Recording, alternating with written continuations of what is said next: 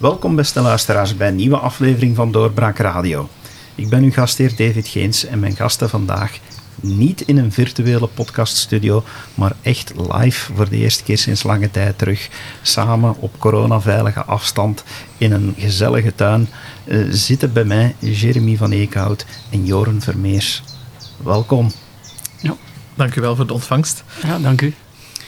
De concrete aanleiding was eigenlijk het feit dat in een interview meneer Vermeers, u had gezegd, ja, een gesprek met uh, Jeremy, dat zou ik nog wel zien zitten. Ja, zoiets dat moet ik maar één keer lezen. En dus uh, heb ik jullie uitgenodigd.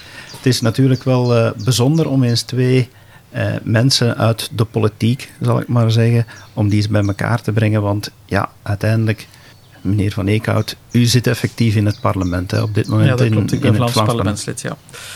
Dat klopt. Ik ben, ik ben blij om dat gesprek aan te gaan. Ik, als ik het las in de, in de kant van West-Vlaanderen, dan, uh, ja, dan voelde ik mij geroepen om daarop op die uitnodiging in te gaan. Ik was blij dat er dan ook uh, iemand nog geïnteresseerd was om ons te horen.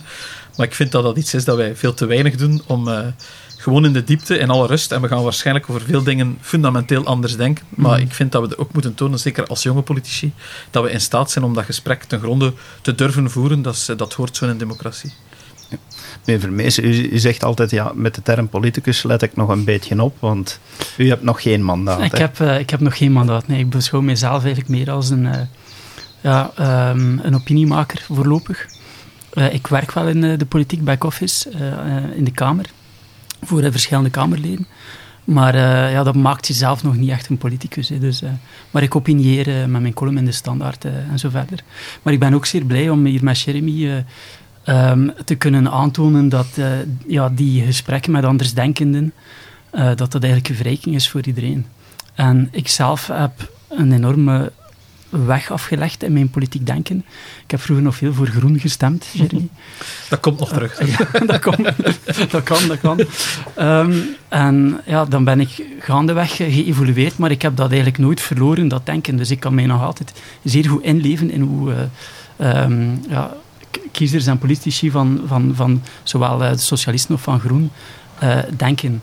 En ik heb ook gezien in de politiek dat er eigenlijk wel redelijk wat begrip, vriendschap en respect heerst tussen mensen van verschillende politieke strekkingen. Veel meer dan dat de mensen op straat denken. Die denken echt dat is een super hard gevecht, maar in de politiek valt dat eigenlijk goed mee. En de sleutel voor mij is uh, het besef dat iedereen, van gelijk welke partij dat hij ook is, uh, eigenlijk het beste wil met de maatschappij. En de invalshoeken uh, verschillen, de manier waarop je naartoe wil verschilt.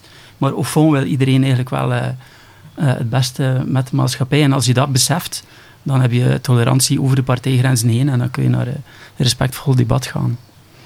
Maar ik denk dat de kunst er ook in zit van, van ja, we hebben daarnet het debat, ben je al politicus of niet? Maar van elkaar niet alleen als politici te zien, maar elkaar ook gewoon als mensen te zien. Ja. Uiteindelijk zijn we allemaal mensen, we staan s ochtends vroeg op, we hebben allemaal een gezin, we hebben het avonds, iedereen heeft zijn problemen. En als je er kunt blijven in slagen om elkaar als mens te zien, dan denk ik dat dat een gigantische stap vooruit is en een stuk dat beeld tegengaat dat, dat de politiek erbij gediend is dat er absolute radicale tegenstellingen zijn en dat er geen gesprek meer mogelijk zou zijn. Ja. Het is inderdaad zo dat uh, iedereen en zeker de media, want dan kijk, ik, uh, dan kijk ik ook algemeen naar de rol van de media, dat die kijken naar de verschillen. Maar zoals jullie zeggen, het is soms leuker om eens stil te staan bij de overeenkomsten en te kijken van oké, waar willen we naartoe? En ik neem aan dat dat voor jullie alle twee wel de drijfveer is waarom je aan politiek doet. Uh, wat, wat heeft het bij u concreet getriggerd, uh, meneer Van Eekhout, om in de politiek te gaan? Ja, ik ben eigenlijk altijd heel geëngageerd geweest in allerlei uh, rollen. Maar ik moet zeggen, wat mij vandaag, op vandaag altijd het meest triggert, en ik denk dat dat misschien herkenbaar is, ik ben een aantal jaar papa, ik heb intussen drie dochters. En eigenlijk wat mij dagdagelijks triggert, is wat, wat wordt de wereld voor mijn dochters en hun leeftijdsgenoten? En dat is eigenlijk de basisdrijfveer waarop je van, mij, van mijn kant uit aan politiek moet doen, denk ik. Van na te denken van hoe kunnen we het nog beter maken, of hoe kunnen we het beter maken op een aantal terreinen voor onze kinderen en wie daarna nog komt. Mm. Ja, wel, van mij is dat eigenlijk mijn, uh, mijn, mijn conservatieve gedachtegoed. En wat is conservatisme voor mij? Bewaren wat mooi en goed is. En daar zit een link um, ook met uh, het engagement van, van jou. Want daar gaat het ook over uh, bewaren wat mooi en goed is. En dat gaat op alle vlak. Op sociaal vlak, op ecologisch vlak, op cultureel vlak, op, op economisch vlak. Ehm, het verschil misschien tussen de progressieve en de conservatieve zijde is dat wij daar een tikkeltje ja, cultuurpessimisme en pessimisme, of, of dat, dat, dat, dat, inherente optimisme dat, eh, dat de toekomst beter zal zijn dan het uh, heden en het verleden, uh, is ons vreemd. Um, wij gaan wat kritischer kijken naar maatschappelijke veranderingen um, dan, dan de progressieve zijde. Um, maar ja, bon. Sorry, sorry, zonder nu in een soort rol van psycholoog te vervallen, denk dat dat gewoon ook een stuk persoonlijkheid is. Ik, ja. Bij mij vertrek ik eigenlijk altijd standaard uit van een zeer kritische lezing van de situatie zoals ze vandaag is en wat er daardoor eventueel misloopt. En de overtuiging dat we collectief kunnen een aantal dingen beter nog doen. Ik zeg niet dat er bij jullie, bij, bij, bij conservatieve strekking, minder aanwezig is, maar het is niet mijn overtuiging dat blijven doen zoals we vandaag doen, dat dat de, toekomst beter maakt. En dat is inderdaad, er zullen waarschijnlijk in verschillende domeinen verschillende benaderingen mogelijk zijn, maar dat is inderdaad misschien wel een verschilpunt. En vooral duidelijkheid, ik pleit er ook niet over, als we hier nu het gesprek fundamenteel aangaan, dat we moeten verschilpunten uitvlakken. Hè. Die zijn er en die mogen er zijn, en dat is ook goed in een democratie dat die er zijn en dat we die respectvol kunnen uitspreken. Maar het is ook wel fijn om te merken dat de finale doelstelling, een goede toekomst, dat die wel dezelfde is. Ja. In die verschillen dan zien jullie het feit dat we typisch hier uh, in ons land uh, gespecialiseerd zijn in een compromis, zien jullie dat als een voordeel uh, in vergelijking met politieke systemen in andere landen waar winner takes it all is en dat je dus veel meer eenzijdige beslissingen krijgt? Ik vind persoonlijk dat de Belgische politiek wat kreunt onder een gebrek aan, aan dynamiek, net omwille van die compromiscultuur die hier extreem is. Eigenlijk uh, is België een land dat niet bestuurbaar is in de eigenlijke zin van het woord, namelijk een richting inslaan en dan een vaste koers aanhouden. België is eigenlijk hoogstens beheersbaar, omdat er een compromis moet gezocht worden tussen twee dubbele democratieën. En het centrum heeft altijd eigenlijk een vetorecht. En de politieke cultuur, zeker federaal, die is er ook van uh, allemaal samen de brug overgaan. Uh, dus je gaat eigenlijk maar kunnen besturen op het tempo van de, van, van de minst, minst enthousiaste partner in de, in de regering. Dus op dat vlak denk ik dat, uh, dat, dat België toch wel uh, ja, leidt aan inertie. En dat heeft ervoor gezorgd dat we bepaalde dingen hebben laten aanslepen en voortwoekeren, die nu bijna niet meer beheersbaar zijn. En dan denk ik aan de staatsschuld en zo verder, die in landen waar de democratie wel knopen kon doorhakken, uh, in de formule van, van twee partijenregering, soms één partijenregering, wel, uh, wel, wel doeltreffender aangepakt zijn. Ja, ik allez, denk dat we daarover van mening verschillen. Dat inderdaad. Ik, geloof, ik ben geen voorstander van een meerderheidsstelsel, zoals we in het Verenigd Koninkrijk zien, zoals we in de Verenigde Staten zien, omdat ook daar aantoont dat het zwengelt dan van de ene kant naar de andere kant. Je ziet de polarisatie daar ook zeer sterk toenemen, dus een aantal gelijkaardige dynamieken zie je. En voor mij is dat, sluit dat aan bij mijn ja, maatschappijvisie en, en visie op mens zijn, dat eigenlijk mensen fundamenteel eigenlijk niet zoveel van elkaar verschillen. Of het dat nu in de provincie Antwerpen of de provincie West-Vlaanderen is, of in de provincie Luik en de provincie West-Vlaanderen. Ik, ik geloof niet dat mensen fundamenteel qua noden en doelstellingen van elkaar zo in die mate verschillen. En vandaar dat ik ook geloof dat de grijswaarden die er in het politieke spectrum zijn, dat die zeker moeten vertegenwoordigd zijn in het parlement en ook in coalities. Ik vind dat een goede zaak. Wat wel zo is, is dat dat moet leiden tot een stuk consensus en een duidelijke richting toch wel uit te gaan en niet in een soort zoutloos compromis. En waar ik het wel e- eens mee ben, is dat ons land, maar sorry, ook Vlaanderen, al decennia aan elkaar hangt van de zoutloze compromissen die geen toe, werven toekomstproject voor een regio of voor een land naar voren schuiven. En dat dat iets is waar we fundamenteel een antwoord moeten op geven. En waar we intussen, uh, heeft de NVA de nodige uh, beleidservaring, Groen heeft dat ook. ik geloof zeer sterk in een aantal pistes die in het Vivaldi-akkoord zitten, maar het blijft een compromisakkoord. Dus we moeten wel de ambitie hebben, van eender uit welke hoek, om veel duidelijker maatschappelijke wervende projecten naar voren te schuiven die mensen een stuk meenemen, die mensen ook enthousiast maken. En dat is, uh, dat is wel een eigenheid aan, aan ons systeem, maar helaas zie je dat ook. Allee, uh, je ziet dat ook in andere landen en dat heeft volgens mij minder te maken met het stelsel. Dat enthousiast maken van mensen, is dat niet de grote uitdaging? Want ja, zonder populistisch te willen gaan, de uitspraak is: de politiek, dat werkt niet meer, het trekt op niks. Uh, en dan kan je natuurlijk met heel makkelijke sloganeske taal komen als oplossingen, maar dan krijg je antisysteempartijen en antisysteempraat. Maar als je het systeem wil oplappen, hoe zien jullie dat dan? Maar ik denk dat, dat je daar het fundamentele probleem op dit moment van het geloof van mensen in politiek uh, aanbrengt. En dat dat eigenlijk te grote werf is.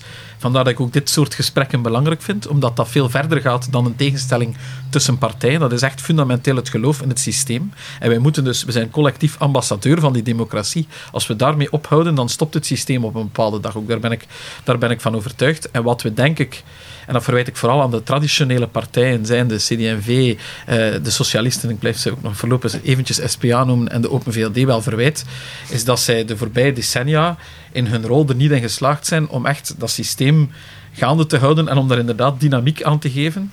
Eh, en dat uh, de, het, de weg of het pad die daar ligt voor partijen als de NVA en als Groen, denk ik, dat dat is zonder een antisysteempartij uh, zijn te vervallen, dat je toch een soort meer de hand reikt aan een aantal basisbewegingen die er in de samenleving bezig zijn en waar je probeert mee aan de slag te gaan en waar je probeert een pro-politiek verhaal mee te verkondigen.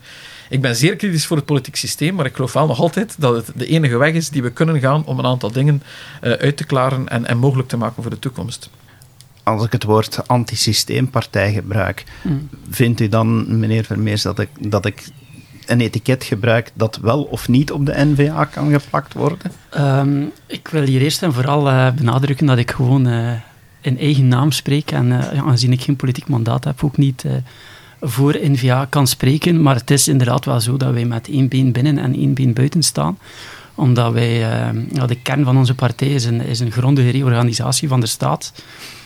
Um, en wat mij betreft mag dat niet enkel gaan over um, de confederalisme-discussie, maar ook over hoe dat we de staat zelf gaan organiseren nadien. Um, te beginnen met een enorm kerntakendebat.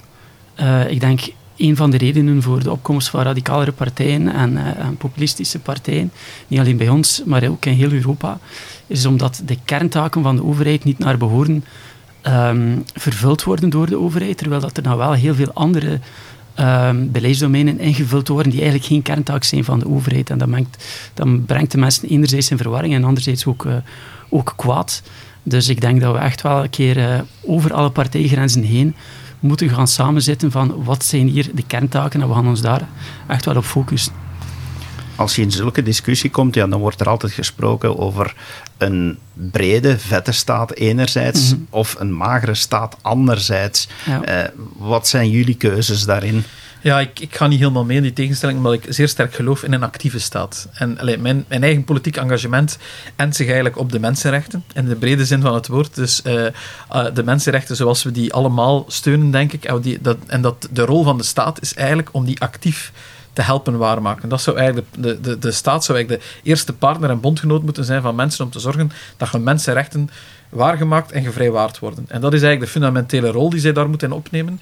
En ik pleit dus voor veel creatievere uh, overheidsvormen, waarbij dat de staat echt nadenkt van in welk domein moeten we welke rol opnemen. Soms is dat inderdaad door zelf in te richten, soms is dat door regulerend op te treden, soms is dat subsidierend. Ik weet dat het in deze tijd ook niet populair is om dat te zeggen, maar soms is dat ook gewoon een aantal dynamieken mee ondersteund door, ondersteund door subsidies te geven. En soms is dat door één actor op het terrein te zijn. Als je kijkt naar de media, ik geloof dat een VRT nodig is en een meerwaarde is om het brede spectrum van het mediaterrein op een goede manier nog, nog naar omhoog te en dat dat een meerwaarde heeft. Maar dat wil niet zeggen dat ik ervoor pleit dat de, het medialeven alleen maar door de staat zou georganiseerd moeten worden. Mm. Maar dat is een creatieve, actieve staat, veel meer dan de discussie tussen een, een, een dikke of een dunne staat. Want allee, dan verval je zeer snel in van, ja, dik moet het zijn als het mijn terreinen zijn. En dun moet het zijn als het mijn terreinen niet zijn, want ik zie een Vlaamse overheid die heel veel investeert in subsidies aan het bedrijfsleven, waar ik dan een aantal problemen mee heb. Maar ja, dat is dan vanuit hoeken die meestal zeggen, wij zijn voor een dunne staat. Dus dat is een soort schijnbare tegenstelling die meestal ideologisch gekleurd is. Terwijl ik mhm. denk, eerst, ik ben daar eens met Joren, dat we moeten die omslag doen over hoe organiseren we onze overheid eigenlijk, dat dat wel een fundamentele is. Ja, ik vind dat hier een zeer interessante eh, conversatie, omdat dat echt wel haarfijn de, de, de, ideologische breuklijn blootlegt tussen, tussen rechts en links en tussen progressief en conservatief. Uh, die, die ingebakken scepties die wij als conservatieven hebben tegen uh, een, een overheid die eigenlijk via social engineering probeert uh, de maatschappij te verbeteren, te optimaliseren, wat dat eigenlijk de, de, de expliciet uitgesproken wens is van links. ja, die is er bij, bij de rechterzijde, bij de conservatieve zijde, helemaal niet. Daar heerst uh, en sceptisch over die te sterke overheid. En ik deel dat eigenlijk zelf ook. Ik vind de maatschappij, um, ja, dat is wat Bart Wever, onze voorzitter, het kostbare weefsel noemt. Die heeft een weefsel, een, sociaal weefsel, een cultureel weefsel, een economisch weefsel. Dat groeit organisch. Uh, dat kan enkel organisch bloeien. En uh, de overheid is denk ik niet de aangewezen actor om, om die maatschappij echt te gaan, te, te, gaan vormgeven. Dat gaan we wel zelf doen. Vanuit het perspectief van een krachtige gemeenschap en, en krachtige burgers. Dus de overheid die moet voor mij de mensen, de maatschappij en de economie in staat stellen om te bloeien, maar moet niet, uh, moet niet zelf een dirigistische uh, rol op zich nemen. En ik vind persoonlijk dat de traditie in de Vlaamse regeringen van de laatste twee decennia bijvoorbeeld al naar mijn aanvoelen te veel dirigistisch zijn, ook in dat economisch beleid. Die, dat, die subsidiepolitiek naar bedrijven bijvoorbeeld, voor mij moet dat eigenlijk niet. Hè. Ik zou veel liever een, ja, ik zou veel liever een, uh, een eenvormiger um, fiscaal klimaat hebben dat ondernemen stimuleert. Uh, en als je dan kijkt over hoeveel miljarden dat, dat gaat, ik denk alleen al innovatie, dus meer of 3 miljard, 3,4 miljard. Mm. Ja, gebruik dat voor een, uh, een lastenverlaging, zodanig dat, uh, dat de economie spontaan kan bloeien. En dan ga je ook een hele race andere problemen die daaruit voortvloeien. De selectiepolitiek en die subsidies en zo. Um, de staat zal transparanter en eerlijker zijn. En voor mij, ik doe mij maar de, de kleine, ontvette, slanke overheid ben het, daar op dat laatste punt eigenlijk mee eens. Ik vind uh, niet dat we het complexer moeten maken dan nodig. En vereenvoudiging is absoluut iets waar, waar ik ook kan achterstaan en waar ik vanuit ga dat mijn partij ook, ook al mee achter staat en dat hoop, hopelijk ook op alle niveaus probeert mee waar te maken. Waar ik dan wel, wat ik soms wel vind wringen, en het is een zeer boeiend, boeiend debat of gesprek daarover, maar is dat je bijvoorbeeld als het gaat over veiligheid, terrorisme en dan is plots wel een zeer zware, logge, hard optredende staat nodig. En vooral duidelijkheid voor ons ook.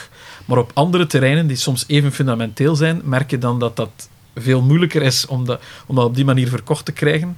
En ik vind dat daar een stuk consequentie doorbreekt. Vandaar dat ik zeg, die mensenrechten zijn voor mij ja, mijn leidraad. En dus in al die mensenrechten moet de staat die actieve rol opnemen. En dat kan ook actief zijn in, in het actief afwezig zijn.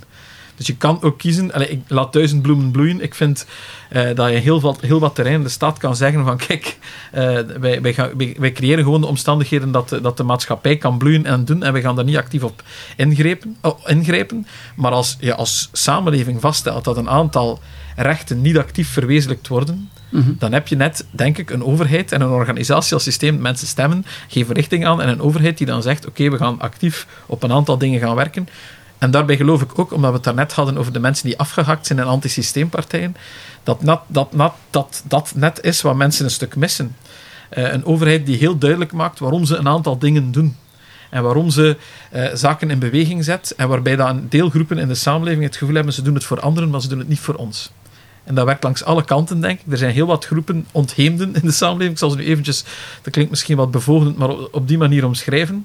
En ieder van ons staat voor een aantal van die groepen. En dat is het super vermoeiende, want eigenlijk hebben die groepen veel meer gemeen dan dat ze van elkaar verschillen. En, en die overheid zouden we moeten hebben die die verbindt en die daar actief mee aan de slag gaat. Ja. Bon, ik vind in mijn persoonlijke analyse, ik denk dat het toch nog altijd het vallen is van de overheid op kerntaken die de mensen kwaad maakt en wegdrijft. Neem nu eh, de lage pensioenen voor voltijds werkenden. Dat is een kerntaak van de overheid. Dat wordt niet naar behoren eh, vervuld in België. Oud zeer. Uh, justitie. Uh, gebrek aan penitentiaire capaciteit die ertoe leidt dat bepaalde straf niet effectief uitgevoerd wordt. Ja, dat zijn van die... Ik denk dat vooral daar, migratie ook, het feit dat, er nog altijd, dat, dat we er geen controle op, op hebben. Ik denk dat dat toch wel de echte sleutel is naar, naar, naar apolitiek, antipolitiek denken in, in België persoonlijk, denk ik. Misschien los van het laatste, het migratiedebat, waar, ja. waar ik vanuit ga dat, we, dat er toch wel wat verschillen zijn is het wel, allez, vind ik de voorbeelden die je aangeeft, bijvoorbeeld rond de gevangeniscapaciteit. En ja, dat is eigenlijk een gezamenlijke strijd, of dat dan niet vanuit links of vanuit rechts is. Wij zijn alle twee overtuigd dat je dat op een menselijke, eh, maar, maar ordentelijke manier moet organiseren, dat er daar te weinig in geïnvesteerd is. Ja. Is iets die we waarschijnlijk uit verschillende kanten uh, aangeven. En we zijn nog in staat, we zijn alle twee nog jong, dus we mogen nog kritiek geven op mhm. het systeem. En laten we hopen dat we dat heel ons leven kunnen doen. Maar we moeten dan toch gewoon vaststellen dat eender wie in die regering zat de voorbije 20, 30 jaar, dat dat gewoon niet gebeurd is. Ja, dat is een, dat is een, dat is een falen van... Uh... Omdat er ook politiek te weinig mee gescoord kan worden, omdat de resultaten veel te weinig zichtbaar zijn op korte termijn. Ja. En dat is tragisch. Ja. Want dat is het fundament van uw samenleving. En het was ook nu geen prioriteit in de regeringsonderhandelingen. Hè. Justitie, ondanks toch wel enkele zeer frappante mistoestanden die gebeurd zijn... Uh tragedie rond uh, Julie van Espen en zo. Maar ik zou graag een keer terugkeren. Maar gewoon nog aangeven, om de eerlijkheid, nu niet en vijf jaar geleden ook niet. Uh, ja, natuurlijk niet. Tuurlijk niet. Het, is, het, is, het is een probleem van, van decennia. Absoluut. Um, los van het filosofische verschil tussen de progressieve en uh, de conservatieve zijde over die invulling van de rol van de staat, zitten we natuurlijk ook wel met economische beperkingen, fiscaal-financiële beperkingen. Um, die gekoppeld zijn aan het feit dat wij eigenlijk geen marge meer hebben om nog naar een hoger overheidsbeslag te gaan. Omdat we al aan meer dan de helft van dat overheidsbeslag zitten. Dus sowieso zal dat ooit moeten dalen, dat overheidsbeslag. En uh, ja, ik zie niet in hoe, dat, uh, hoe, hoe, links die, die ambitieuze uh, overheid, eigenlijk, als ik u goed, goed uh, beluisterd heb, Jeremy, wil je zelf nog wat terrein bijwinnen voor de overheid. Nog wat meer actiever zijn in bepaalde uh, in, bepaalde delen van, uh, van, van, van, het beleid. Dat zal geld vergen. Um, ik zie dat niet gebeuren. Dus die, uh, we gaan eigenlijk gedwongen worden door de economische omstandigheden tot dat kerntakendebat. En dat zal een gezond debat worden. het, is, het is een debat dat nodig is. En we gaan er niet aan kunnen ontsnappen dat kerntakendebat, dat is iets wat al lang afwezig blijft in de politiek, dat is een feit. Maar dat gaat ook niet lukken, denk ik, zonder dat je het hebt over de maakbaarheid van de samenleving. Want uiteindelijk, we zitten wel met een samenleving die voor het minste naar de politiek wijst. Als het goed gaat, maar zeker als het slecht gaat. Dus is dat dan een discussie die kan gevoerd worden door de politiek alleen? Dat is inderdaad iets dat de samenleving zelf uh, moet doen. Hè. En je hebt daar helemaal gelijk in. Uh, elke calamiteit wordt door de burger afgewenteld op de politiek. Of dat het nu droogte is en je hebt scheurtjes in je huis, of er is een tragisch verkeersongeval, of er is een verdrinking. Uh, mensen gaan die, uh, die, die woede um, uiten tegen de politiek. Men gaat de politiek eigenlijk de verantwoordelijkheid daarvan geven. En men gaat zeggen van kijk, de politiek heeft niet genoeg gedaan om dit of dat te voorkomen. En dat is een gevaarlijke evolutie, want hoe reageert de politiek daarop? Door stelselmatig preventief meer risico's te gaan inperken. En uh, wat is het gevolg daarvan? Ja, uh, altijd maar meer regelgeving en een graduele teleurgang van de individuele vrijheid. En dat is een evolutie die echt al, ook al tientallen jaren uh, bezig is. een van mijn, vind ik, de meest karikaturale voorbeelden daarvan is het verbod om te zwemmen in zee. Ja, als je hier gaat gaan zwemmen, je mag enkel zwemmen als er een redder van TKWV aan de waterlijn staat. als je gaat zwemmen na de bewaakte uren, um, of in een onbewaakte zone, ja, dan, heb je, dan ben je in theorie strafbaar 250 euro boete. Dus um, de burger moet daar inderdaad in betrokken worden, David, in dat debat. En misschien moet de politiek aan de burger ook eens durven zeggen: kijk, wij kunnen niet alles oplossen voor u. En jullie hebben misschien mijn uh, column gelezen in de Standaard van vorige week maandag over uh, discriminatie op de arbeidsmarkt. Uh, er zijn heel veel terreinen waar de politiek de illusie geeft aan de burger dat de politiek dat met overheidsinterventie kan oplossen. Terwijl dat, dat enorm moeilijk is. En dat sommige zaken kunnen eigenlijk enkel opgelost worden door een maatschappelijke bewustvorming. Door, uh, door, een, door een, een, een, andere mentaliteit die eigenlijk ingang vindt bij, bij de burger. Um, en men moet, daar, men moet daar durven eerlijk over zijn. Ja, uh, allee, ik ben het ten dele eens bijvoorbeeld over het, over het zwemmen. Wij zijn ook bezig bijvoorbeeld in, in het Vlaams parlement met een aantal initiatieven rond zwemmen in open water en daar meer mogelijk maken. Allee, op een duur zitten we mhm. inderdaad in het, dus ik vind het een sprekend uh, voorbeeld ja. waar ik het wel mee eens ben. Je geeft daar, daarnet ervoor dan ook wel het debat over, uh, ja, er zitten scheurtjes in mijn huis en ja, het is wel die Vlaamse overheid, of die federale overheid, maakt me niet uit in deze context, maar natuurlijk de Vlaamse overheid, die bepaalt waar je al dan niet mag bouwen. Dus het is ook logisch dat mhm. die overheid erop afgerekend ja. wordt als er een probleem ontstaat door de eigen regelgeving. En wat voor mij fundamenteel is, is dat als iemand gaat zwemmen, als iemand rookt, dan is dat op eigen verantwoordelijkheid en de gevolgen zijn voor die persoon zelf. Maar, maar, als iemand bouwt, of als we weer collectief mhm. alles volbouwen en daardoor ontstaan er problemen, dan hebben we ook impact op het leven van anderen. En dat is een beetje het principe van mijn vrijheid stopt ja. waar, de, waar uw vrijheid begint.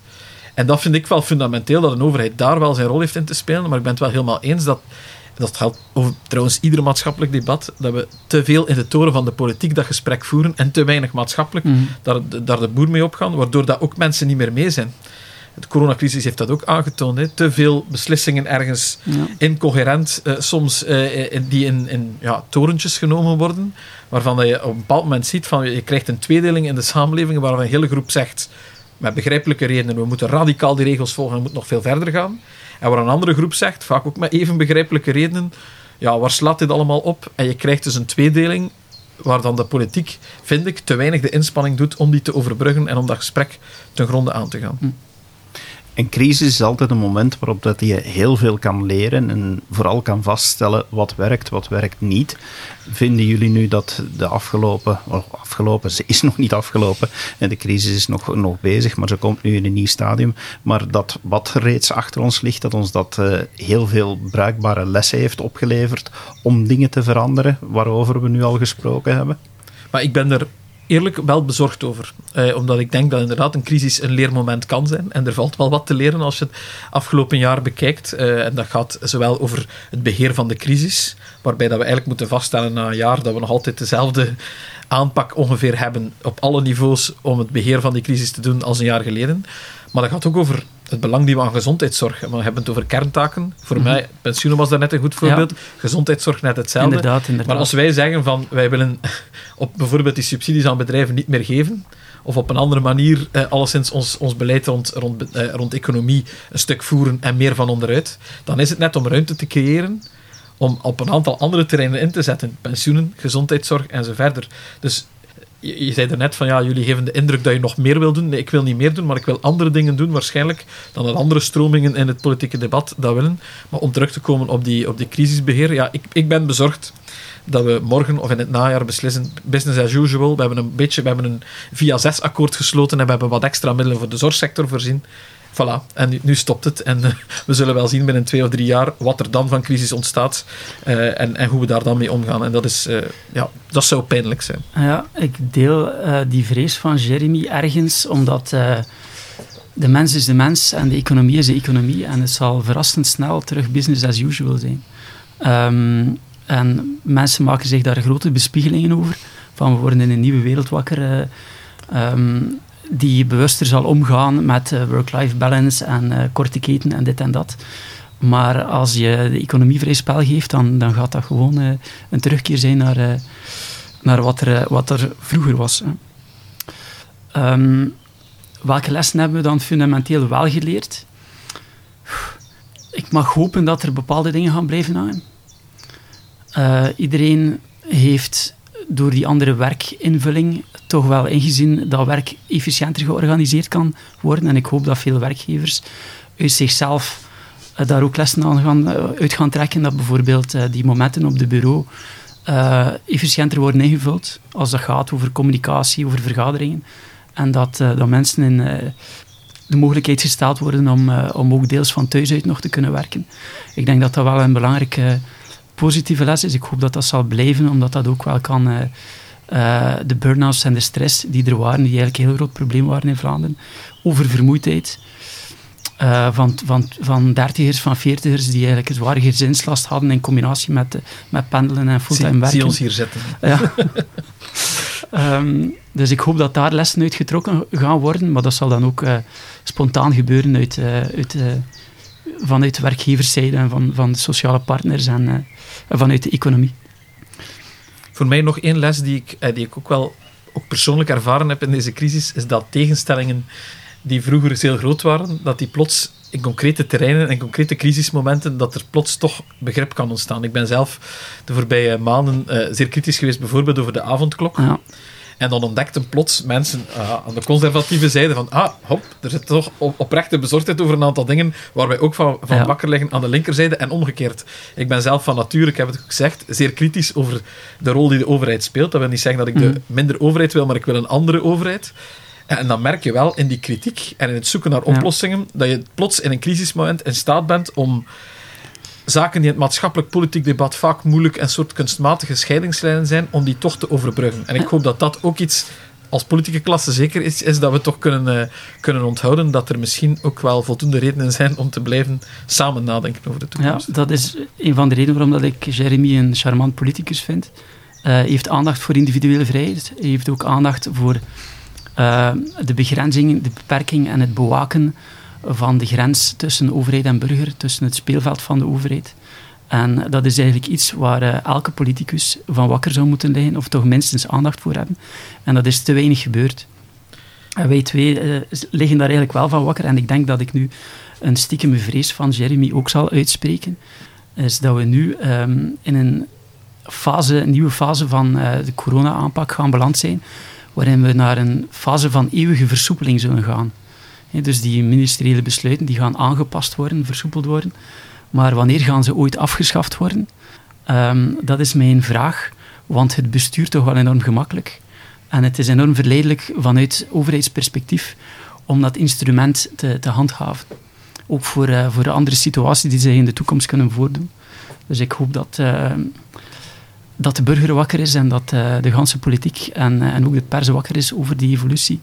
Um, en dat we echt wel erop moeten waken dat als iedereen gevaccineerd is en uh, de situatie is kalm op de intensieve zorgen, dat, dat we dan echt gaan naar een, naar een intrekking, integrale intrekking van het MB-regime, uh, de manier van werken, en dat we terugkeren naar de, naar de, de orthodoxe rechtsstaat, omdat die nog altijd de beste garanties geeft op uh, burgerrechten en democratie. Nee, ik denk dat we inderdaad, we zijn het erover eens, dit moet eindig zijn. Dat, dat ja. moet heel duidelijk zijn. Eh, en dat hangt natuurlijk af, één van vaccinatie, twee van de gezondheidstoestand algemeen. Allee, als er morgen een nieuwe variant hier massaal opduikt, dan krijg je een nieuwe situatie. Laat ons dan dat debat op dat moment voeren. Maar in de huidige context moet dit eindig zijn. En eindig is niet binnen drie jaar als het allemaal... Nee. Eh, als alles normaal zou moeten verlopen. Dus ik denk, ik deel die bezorgdheid. De rechtsstaat is de beste garantie om een aantal dingen te doen. Dat wil zeggen volle parlementaire werking en zo verder. Mm -hmm. Dus daar ben ik het helemaal mee eens. Omdat je spreekt van dat ik wakker lig van, of ook, ook als, als linkspoliticus wakker ben, lig van, van uh, persoonlijke vrijheid. Ja, voor mij is dat een evidentie. En ik weet dat dat in jouw blik op ja. links-rechts uh, geen, geen evidentie is dat en dat dat verrassend is dat ja. ik dat uitbreng. Maar voor mij is dat een van die fundamenten van die mensenrechten, is natuurlijk die, die individuele vrijheid. Vandaar dat ik altijd proportionaliteit super belangrijk vind. En vandaar dat ik mij ook niet zomaar klassiek op die links-rechts-as alleen maar zet. Ja. Dat is, ook, allee, dat is ook niet de ontstaansgeschiedenis van mijn partij en van de ecologische beweging. Is niet alleen maar op die links-rechts-as ja. alleen. Daar zijn heel wat andere spectra aan. Af en toe gebruik ik nog een, een van de affiches van Agalef. Uh, ik ben, we zijn niet links, niet rechts, we zijn averechts. Dat is iets wat mij wel inspireert. Om, om, ik vind dat je een aantal klassieke tweedelingen kunt proberen te doorbreken door, door op een andere manier te kijken en door zeer consequent op die grondrechten te zijn. Het geeft mij alleen maar geloofwaardigheid als politicus om voor mijn progressieve doelstellingen die in die mensenrechten zitten te pleiten. Als ik dat ook ben, als het gaat over individuele vrijheid, die dan zogezegd minder mijn core business zou zijn. Nee, ik, dat, dat is één strijd. Je kan die niet losmaken van elkaar. Je kan niet pleiten voor het recht op een, op een uh, leefbare leefomgeving als mensenrecht, want dat is ook een mensenrecht. Mm. Maar tegelijk dan zeggen, en daarvoor kunnen we, massa, eh, kunnen we disproportioneel ingrijpen op de individuele vrijheid. Nee, nee, dat zijn net die twee fundamentele vrijheden die je met elkaar moet proberen in, uh, in overeenstemming te brengen. We hadden het al over het feit dat het uh, voor de politieke klasse, laat ik ze zo maar noemen, een uitdaging wordt om de burger beter te betrekken, om uh, terug ja, betere discussie te krijgen over kerntakendebat, over, over ideologie, over zoveel dingen. Als we dan kijken naar die politieke vernieuwing, want dat is ook zo'n term die momenteel weer overal rondwaart, iedereen heeft het erover. Wat denken jullie dat er echt essentieel moet veranderen aan de politiek? Ik heb drie dingen eigenlijk. Eén, ik vind dat wij als politici uh, dat de grootste politieke vernieuwing er zou kunnen zitten dat wij als politici anders in onze sector staan. En dus veel meer uit die ivoren toren breken, veel meer de ambassadeur zijn van het politieke systeem. Ook dus niet alleen van onze partij of van onze visie, maar ook van het politieke systeem aan zich. Dat we op deze manier bijvoorbeeld durven reclame maken dat politiek en dat democratie, dat dat iets kan teweeg brengen en dat dat iets positiefs kan teweeg brengen. Dat is één. Uh, twee, vind ik uh, dat we aan mensen ook moeten pedagogisch en, en, en open durven zeggen dat leven in een democratie ook verantwoordelijkheid inhoudt. Ik ben bijvoorbeeld een fundamenteel, fundamenteel tegenstander van de afschaffing van de opkomstplicht, omdat ik vind, inhoudelijk, principieel, dat het legitiem is om te zeggen beste, u leeft in een democratie. Wij verwachten dus dat u minstens één keer om de vijf jaar, al is het naar dat stemhokje gaat, en daar dan een blanco stem uitbrengt, maar dat u tenminste op die manier toont dat u bewust bent van het feit dat je in democratie leeft en dat de overheid niet alles zal oplossen, dat er ook verantwoordelijkheid bij u als burger of als inwoner van, van dit land ligt. Uh, en drie, uh, vind ik wel dat er... Um, er zijn heel veel ideeën en ik ben er ook actief mee bezig rond democratische vernieuwing, uh, ja, geloten uh, burgercommissies in het parlement enzovoort. Voor mij zijn dat allemaal uh, aanvullingen waar ik, zeer, waar ik wel een stuk in geloof maar met de ambitie om dan uit te breken uit dezelfde groep die je altijd opnieuw bereikt. En dat is voor mij, ik ga nu eventjes cru uitdrukken, maar we zitten hier ook alle drie met blanke middenklasse mannen. Uh, en ik wil niet alleen op diversiteit steken, maar er is een heel spectrum aan groepen in de samenleving die ondergesneeuwd is. De stem van ouderen hebben in de coronacrisis veel te weinig gehoord. Mensen in de woonzorgcentra en zo verder zaten, die zijn bijna niet aan bod gekomen bij de kritiek op het beleid of bij de, de, de appreciatie van het beleid. Hetzelfde geldt met kinderen en jongeren. Hetzelfde geldt met een aantal socio-economische of etnische doelgroepen in de samenleving die totaal geen voeling meer hebben met het systeem. Maar hetzelfde geldt ook met mensen met ons profiel, waarvan ik er in mijn gemeente iedere dag tientallen tegenkom die zeggen van ja, ah, een politicus met wie we kunnen praten. En, en, dat is denk ik, dat zou de fundamentele omslag in ons moeten zijn. En we zijn jong, mm. dus we hebben nog 30, 40 jaar misschien om dat waar te maken. Ofwel zeggen we binnen vijf jaar, het is niet gelukt. Dat kan ook. Ja, die bereikbaarheid is, een, is enorm uh, belangrijk. Hè. Um, die was er vroeger um, standaard, met die zittingsdagen en zo verder. Uh, maar die is er nu, denk ik, op een andere manier via sociale media. Ik krijg oh, 10, 20, 30 uh, messengerberichten binnen per dag van mensen met, met... En dat gaat dan over ja. Onderwijzers, politiemensen, mensen in de zorg. Gewone burgers, gepensioneerden met vragen. Niet zoals vroeger over een concreet dossier, maar wel om, om, omdat ze zeggen van kijk, hier zou iets aan moeten gedaan worden in het algemeen. Um, maar als het uh, gaat over die uh, andere manieren om burgers bij het beleid en bij de politiek te betrekken, ja, die burgercomité's, die... Uh, ik vind dat, ja, die gedachtenexperimenten, ik ben daar eigenlijk geen zo fan van, want uh, de enige echte graadmeter voor de democratie is en blijft wel een stemhokje. Dat is die raadpleging, dat is de enige representatieve. Uh, ik geloof niet zozeer in die uh, burgercomité's, overlegcomité's. Voor mij mag het zelfs orthodoxer democratisch, met een helderdere taakverdeling, confederalisme uiteraard. En dan dat kentakendebat, maar ik wil hier niet in, eh, in herhaling vallen. En um, minder parlementairen ook. Minder parlementairen die een grotere verantwoordelijkheid hebben. Uh, die zich moeten verdedigen naar de burger toe. Um, en referenda, daar hebben we het hier nog niet over gehad, maar ik denk dat referenda wel kunnen een, een, een, een nuttige katalysator zijn. Nu wordt dat gespeeld in België, die rol van katalysator uh, naar Nederlands model via het uh, indienen van uh, ja, gezamenlijke vorderingen tegen de Belgische staat. Denk aan, de klimaatzaak en zo verder. Ik vind dat eigenlijk geen goede evolutie. Ik denk dat referenda een eerlijkere manier zijn om de aandacht van de politiek, niet binnen de referenda weliswaar. Ik denk de, de, de, de, de wetgevende macht moet altijd het laatste woord hebben. Maar ik vind dat je wel met referenda, niet binnen de referenda, dingen op de kaart moet kunnen zetten. Eerder dan met het uh, uh, onder de arm nemen van een rechter. En uh, dat is wel iets trouwens waar ik zelfs een zekere angst voor heb. Een te grote rol voor de rechterlijke macht in het politieke bedrijf. We zien dat al enkele jaren in Nederland. Denk aan de, de, de stikstof in Nederland, die eigenlijk beslist is door een rechterlijke uitspraak. En de, de, de, rechtbank, de, de rechtbank heeft daar de politiek voor maatschappelijke keuzes gezet en toegedwongen. En dat is een stap die onze democratie nooit mag zetten. Maar men is wel bezig met die eerste stappen nu te zetten. Dus ik hoop echt dat die klimaatzaak, uh, met, alle met alle respect ook voor, voor de eisen van, van die mensen en sympathie daarvoor, uh, maar ik hoop dat die louter principieel verworpen zou worden, omdat het niet aan rechters is om het politieke debat te gaan bepalen. Maar ik, ik snap wat je bedoelt. En voor mij is dat ook niet... Want dat is ook mijn eerste reactie als zoiets gebeurt. Van eigenlijk zou dit niet nodig moeten zijn. En zou je moeten vanuit gaan dat u dat uw overheid met de dingen aan de slag gaat. Aan de andere kant vind ik bijvoorbeeld na het voorbije jaar dat het heeft aangetoond dat de wetgevende en de uitvoerende macht dat dat niet voldoende is. Het is uiteindelijk de, de, de rechterlijke macht. Dat moet er betoogd worden. Hè? Nee, nee, maar het is uiteindelijk de rechterlijke macht die beslist heeft: deze manier van werken van ministeriële besluiten is niet langer houdbaar.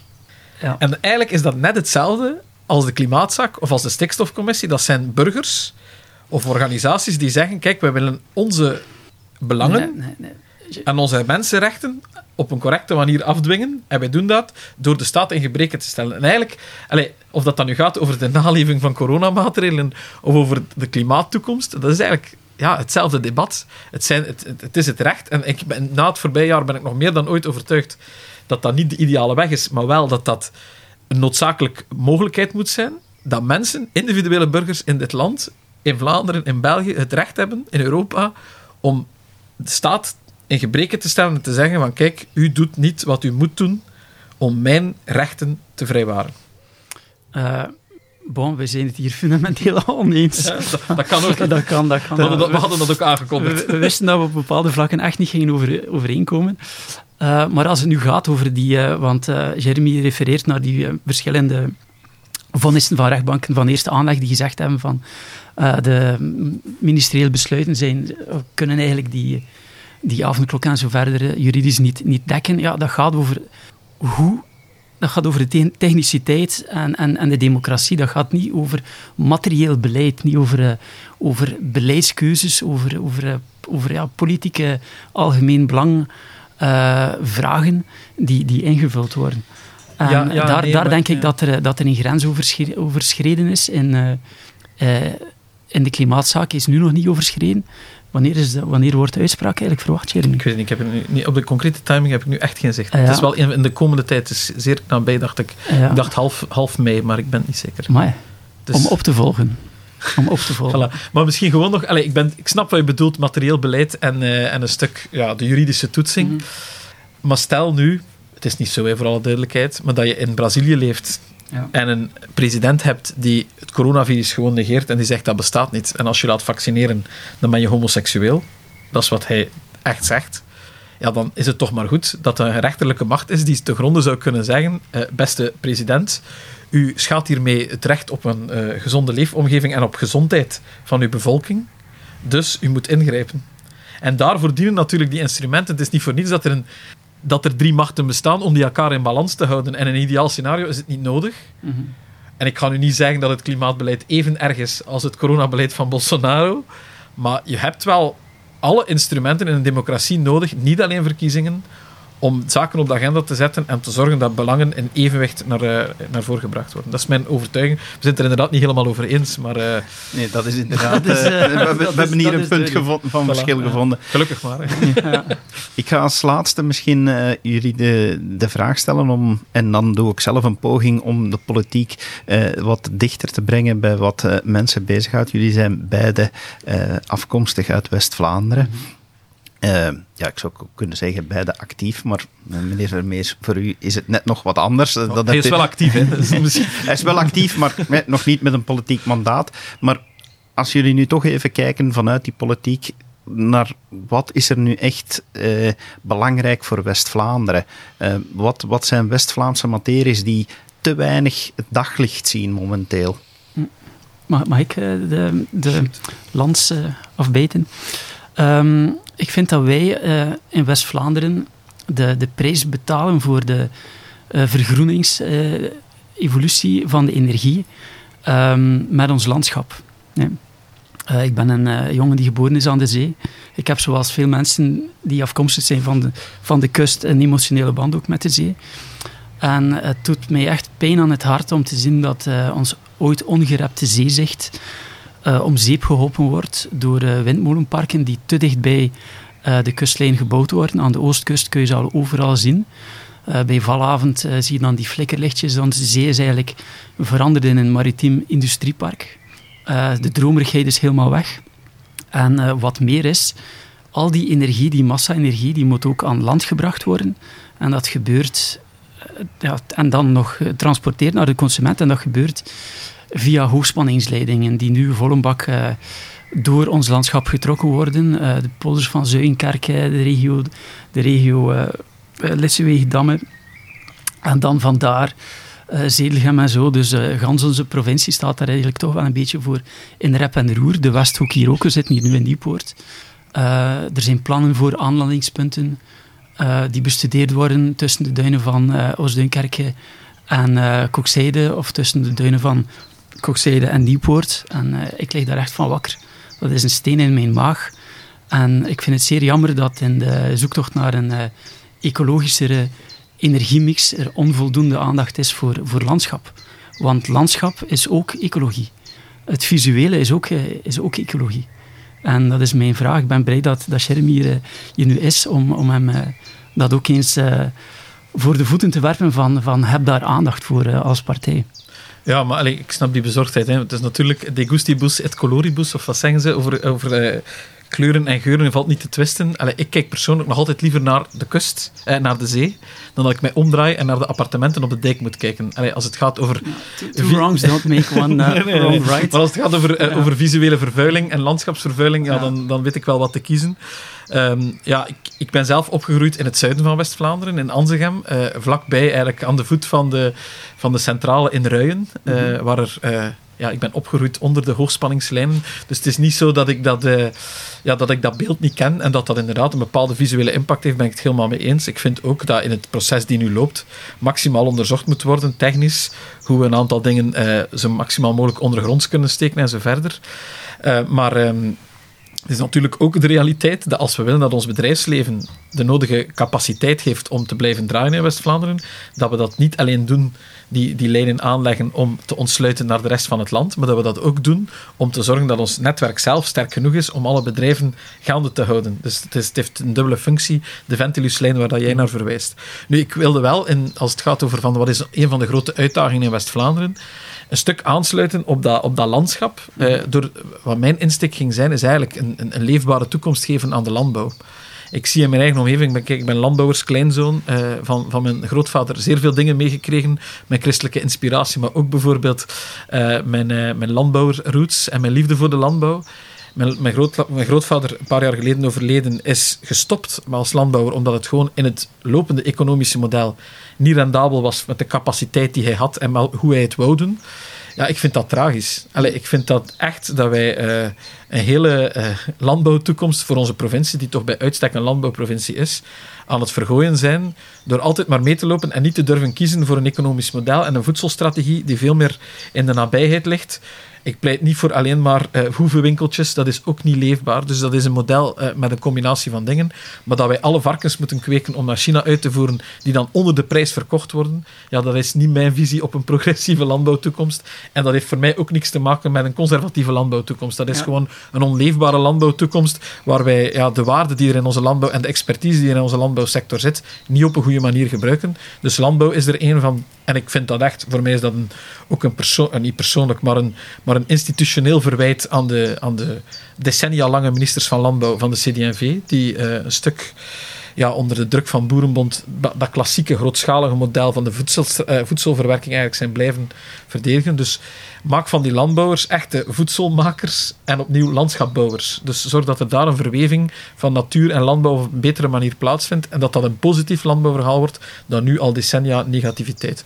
Als je één thema vraagt, is dat voor mij vanuit West-Vlaanderen samen met de lezing, en we zitten hier als twee West-Vlamingen, dat sowieso vind ik de eerder landelijke regio's en gebieden in ons land vaak ondergesneeuwd zijn in de politieke debatten in Brussel. En dat er daar ook zeer veel werven. Als het gaat over openbaar vervoer, maar ook als het gaat over zeer veel andere dienstverlening, vind ik dat wij eh, ons te veel eh, hebben laten doen de voorbije 30 jaar. Maar nu zijn er nieuwe mensen en we gaan dat eh, ja, anders de, West-Vlaming is ook geen klager. Hè? Dat is een werker. En die en doet voort. Ja, het zwijgt en doet voort. En dat is effectief zo. En misschien nog, omdat je over zwijgt en doet voort, nog één puntje. Uh, het is in totaal, we hebben dat in dit uh, gesprek eigenlijk nog niet aan de hand uh, gedaan, maar mentale gezondheid mm -hmm. en zo het zwijgt en doet voort principe ook bij de West-Vlamingen. We gaan niet klagen. als je cijfers bekijkt, hoe dat wij rond geestelijke gezondheid en suïcide in West-Vlaanderen en zo verder, mm -hmm. dan is er hier wel een grote werf aan het taboe doorbreken op durven zeggen dat het ook een keer niet oké okay met je gaat. Ja. Ik ja. denk dat dat inderdaad heel belangrijk is en dat dat uh, misschien wel iets is waarmee we kunnen afsluiten. Want uh, ik heb de reputatie in de podcast om niet te onderbreken en te laten praten. Maar ik weet ook van als ik uh, zulke twee interessante gasten bezig laat, dat ik een podcast heb die niet meer op de server zal passen. dus ik, ik, wil jullie toch heel hartelijk danken voor dit heel fijne gesprek. Het is eens wat anders dan de, ja, de actualiteit van de dag. Goed goed dat we eens wat dieper zijn kunnen ingaan op deze dingen. Jeremy van Eekhout vanwege Groen, Joren Vermees deels bij NVA. Hè, ik blijf voorzichtig, zoals u zelf zegt. Van, ja, maar niet namens NVA. Niet, dus, niet namens NVA, maar wel uh, enthousiast lid van NVA. Voilà, ik denk dat het daarmee nog eens heel duidelijk is gezegd. Dankjewel voor jullie tijd. En u, beste luisteraar, dankjewel dat je uh, bent blijven luisteren. Hopelijk hebt u hiervan genoten. Ook van de vogeltjes die u kon achterhoren op de achtergrond. Uh, en graag tot een volgende keer. Dag. Dit was een episode van Doorbraak Radio de podcast van doorbraak.be. Volg onze podcast op doorbraak.be/slash radio of via Apple Podcasts, Overcast of Spotify. Bezoek ook onze website op doorbraak.be en steun ons door een vriend te worden van Doorbraak.